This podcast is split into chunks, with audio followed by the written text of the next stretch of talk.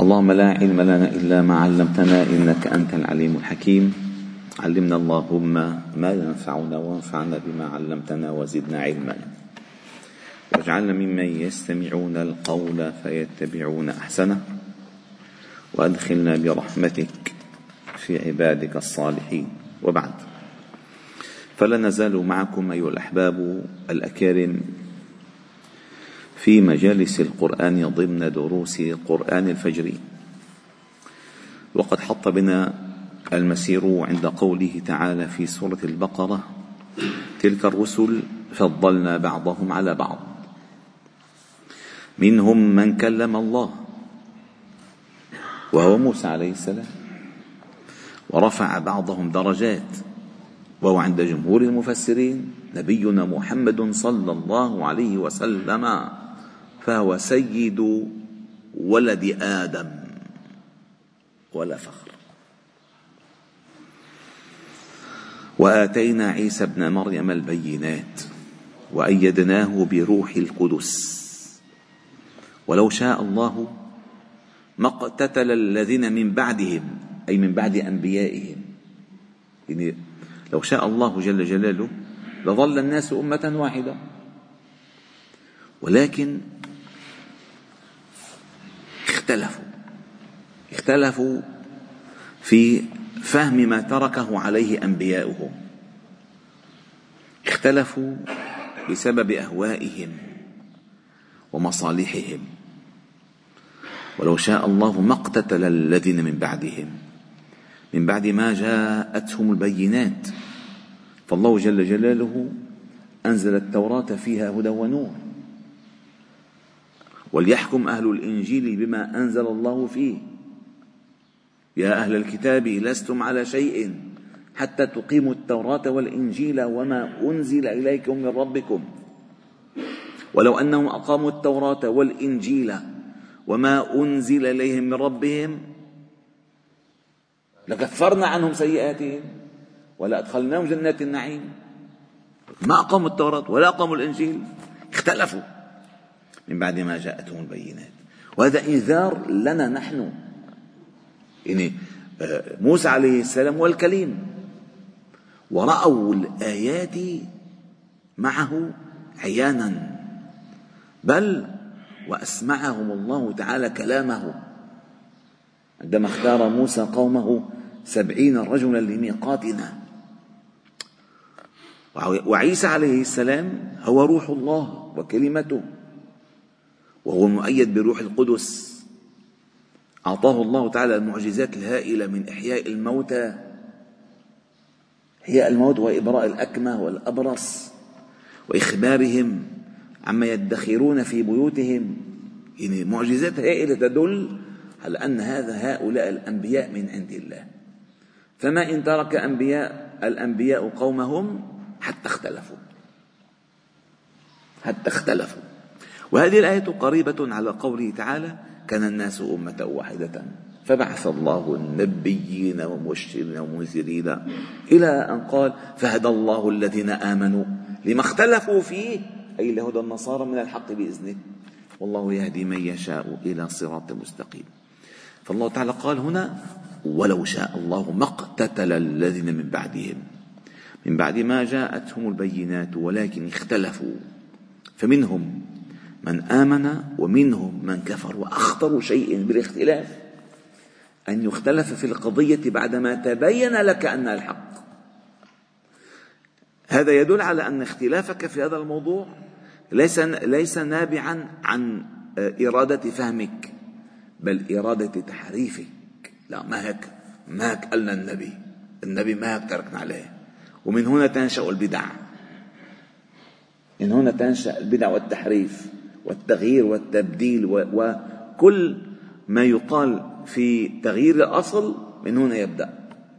الاختلاف بعد الحق. الاختلاف بعد الحق. جاءهم التوراة جاءهم الإنجيل جاءنا القرآن. الاختلاف بالقرآن كفر. كفر لأنه هو الحق. قال ولو شاء الله ما اقتتلوا ولكن الله يفعل ما يريد. كيف ستبرز هذه الأمة؟ أنها خير أمة أخرجت الناس بمحافظتها على الوحي. بمحافظتها على الوحي.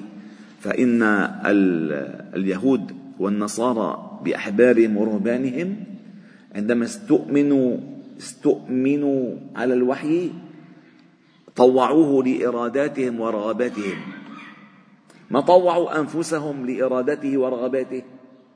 طوعوه لإراداتهم ورغباتهم. فيؤمنون ببعض ويكفرون ببعض. يحرفون الكلمة عن مواضعه. ما معنى يحرفون الكلمة عن مواضعه؟ أن يقول هذه الآية أو هذا القول. لا لا ما هيك يراد؟ يراد هكذا. فحرفوه عن مواضعه أي عن موضوعاته والتي أرادها الله تعالى في هذه الآية. ولو شاء الله ما اقتتلوا ولكن الله يفعل ما يريد سبحانه وتعالى. ثم قال الله تعالى يا أيها الذين آمنوا أنفقوا مما رزقناكم من قبل أن يأتي يوم لا بيع فيه ولا خلة ولا شفاعة والكافرون هم الظالمون. هذه الآية أتت مقدمة لآيات ستأتي بعد عن الإنفاق في سبيل الله وعن أوجهه وأحكامه وعن ثمراته وفوائده وعما يبطله وعما يبطله ويمحقه. لا تبطلوا صدقاتكم بالمن والأذى. فهذه الآية هي المفتاح الآن. يا أيها الذين آمنوا أنفقوا. نعم. ممن؟ من إيش ننفق من وين؟ مما رزقناكم. فالنفقة المطلوبة من قبل الله لكم هي أن تنفقوا مما أعطاكم الله مما أخرجه الله لكم من الأرض مما آتاكم الله تعالى إياه مما خولكم مما سخر لكم. فأنت لا تنفق من جيبك بل تنفق مما آتاك ما أتاك إليك من ربك. أنت لا تنفق من جيبك. اوعى حدا مفكر إذا مد إيده على جيبته عم يطلع من ماله هذا منو ماله حبيبي؟ الذي جعله في جيبك هو عن طريق ربك. فالله ابتلاك. فالله تعالى قال وأنفقوا مما جعلكم مستخلفين فيه. فأنت ما فيه مستخلف. إني معار. معار.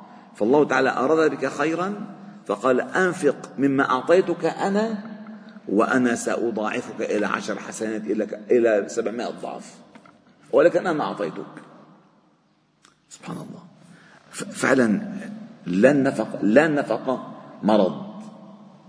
اتصور مثلا الحج فؤاد هلا قال لي لك هالمليون ليرة؟ خدها أعطيها للي بيستاهل. اجى واحد ما بدي. ما بدي. للمال مو لك هذا ليس مالك. هذا مال معك مطالب أن تعلم ما حق الله فيه. قال الله تعالى والذين هم في أموال وفي أموالهم حق معلوم للسائل والمحروم.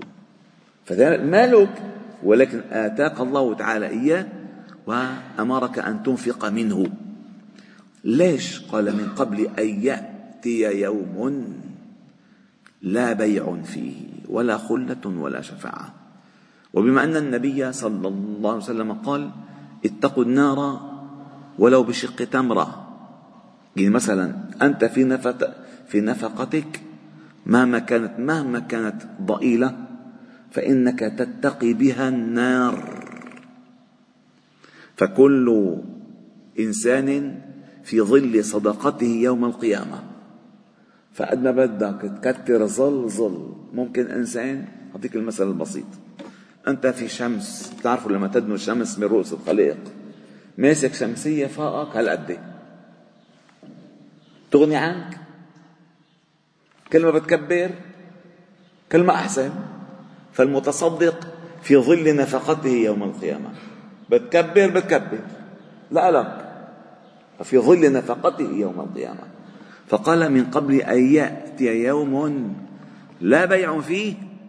ما فيك تبيع ما فيك يعني تشتري العذاب تشتري الراحة. ولا خلة لن يأتيك صديق ينقذك ولا شفاعة أي لن يشفع لك إلا من أذن الله له. لا شفاعة ولا صداقة ولا دفع فدية. يود المجرم لو يفتدي من عذاب يومئذ ببنيه. ولو أن لهم ولو أن لأحدهم ملء الأرض ذهبا لافتدى به. ما تقبل منهم يوم القيامة. ما في بيع ولا خلة ولا شفاعة. والله يقول في كتابه الأخلاء يومئذ بعضهم لبعض عدو إلا المتقين. فما لنا من شافعين ولا صديق حميم. فلو أن لنا كرة فنكون من المؤمنين. إن في ذلك لآية. وما كان أكثرهم مؤمنين. وإن ربك لهو العزيز الرحيم. ثم ختم الله هذه الآية بقوله والكافرون هم الظالمون. فعلا. الكافر هو الظالم الذي ستر الحق واستكبر عن الحق وأعرض عن الله خالقه ومحييه ورازقه. فهو ظالم. الكافر ظالم. الكافرون هم الظالمون. والكافرون هم الظالمون. ثم انتقلنا إلى أعظم آية في كتاب الله على الإطلاق. وهي خاصية هذه الأمة. آية مجزأة على عشرة قواعد. كل قاعدة منها جديرة أن تحيي قلبك وأن تنير دربك وأن ترضي بها ربك. كل آية منها. هذه الآية التي قال فيها النبي صلى الله عليه وسلم لأبي بن كعب. لأعلمنك أعظم سورة في كتاب الله. أو في رواية قال له أي آية أعظم في كتاب الله؟ فقال الله ورسوله أعلم. فأعاد عليه أي آية أعظم في كتاب الله؟ فقال أبي بن كعب قال الله لا إله إلا هو الحي القيوم. آية الكرسي. فضرب النبي صلى الله عليه وسلم بيده على صدره بعد إذنك. هيك ضرب على صدره. وقال له ليهنك العلم أبا المنذر. ليهنك. يعني الله يهنيك بهذا العلم. الله يهنيك ليش؟ لأنه اكتشف هو بعلمه بفهمه بنظره أن أعظم آية في كتاب الله هي آية الكرسي. لما حوته لما حوته من المدارج والمعارج والكنوز والعلوم والأنوار والرحمات والفيوضات والقواعد كل كل كل شيء فيها. الله لا إله إلا هو. وقال كذلك النبي صلى الله عليه وسلم والذي نفسي بيده إن لآية الكرسي لسانا وشفتين لسانا وشفتين. عند ساق العرس عند ساق العرش تسبحان الله وتقدسانه يا الله الله الله. شو؟ يا الله. آية عظيمة؟ أعظم آية. فتصور أنت الآن أنت الآن في أطول أطول سورة في كتاب الله. وتضمنت أعظم آية في كتاب الله. وقال النبي صلى الله عليه وسلم في هذه السورة أن أخذ بركة لو لم تكن في سورة البقرة إلا هذه الآية أعظم بها من بركة فما بالك أنه في كل بركة والله جل جلاله ابتدأ هذه الآية الآية بالتعريف به. هي كل تعريفات. كل الآية هذه تعريفات بالله. كلها كلها من أولها لآخرها عندما يقول الله لا إله إلا هو وهو العلي العظيم. كل تعريفات بالله. وفيها عشر جمل كاملة وإن لم يذكر الله تعالى بالصريح ذكر بالإشارة. هلا انتبهوا أنا أقرأ بس أقرأ. غدا إن شاء الله نبدأ بشرحها الله لا إله إلا هو. هذه أول جملة. الله. نعم. أخبر. أخبر عن الله. لا إله إلا هو. طيب. الحي القيوم. تمام. لا تأخذه. إن الله. شوف إذا ما في لفظ مباشر في لفظ إشارة. لا تأخذه. سنة ولا نوم. له. ما في السماوات وما في الأرض. من ذا الذي يشفع عنده؟ إلا بإذنه. يعلم أي هو ما بين أيديهم وما خلفهم. ولا يحيطون بشيء من علمه إلا بما شاء. وسع كرسيه السماوات والأرض. ولا يؤوده حفظهما. وهو العلي العظيم. عشر آيات. عشر جمل في آية واحدة. كل جملة منها بحد نفسها معراج إلى الله. معراج. أعظم آية. والنبي صلى الله عليه وسلم حثنا على قراءتها وفهمها والعمل بها. فقال من أوى إلى فراشه وقرأ, وقرأ آية الكرسي لا يزال عليه من الله حافظ حتى يمسي حتى يصبح. وقال في رواية أخرى لا يقربه شيطان لن يستطيع. وهذه علمها الشيطان لأبي هريرة. علمها الشيطان لأبي هريرة. عندما كان على بيت مال المسلمين باب الصدقة فرأى واحد عم يختلس. عم يختلس كمش مرة كمش اثنين؟ قال له اتركني ولا أعلمنك آية إن قرأتها لا يقربك شيطان. قال وما هي؟ قال الله لا إله إلا هو الحي القيوم. فأخبر النبي صلى الله عليه وسلم بذلك قال صدقك وهو كذوب ألا إنه الشيطان كان يأتيك. بس مش تتركه والحمد لله رب العالمين. سبحان الله وبحمدك نشهد أن لا إله إلا أنت نستغفرك ونتوب إليك. صل وسلم وبارك على محمد وعلى آله وأصحابه أجمعين. الحمد لله رب العالمين.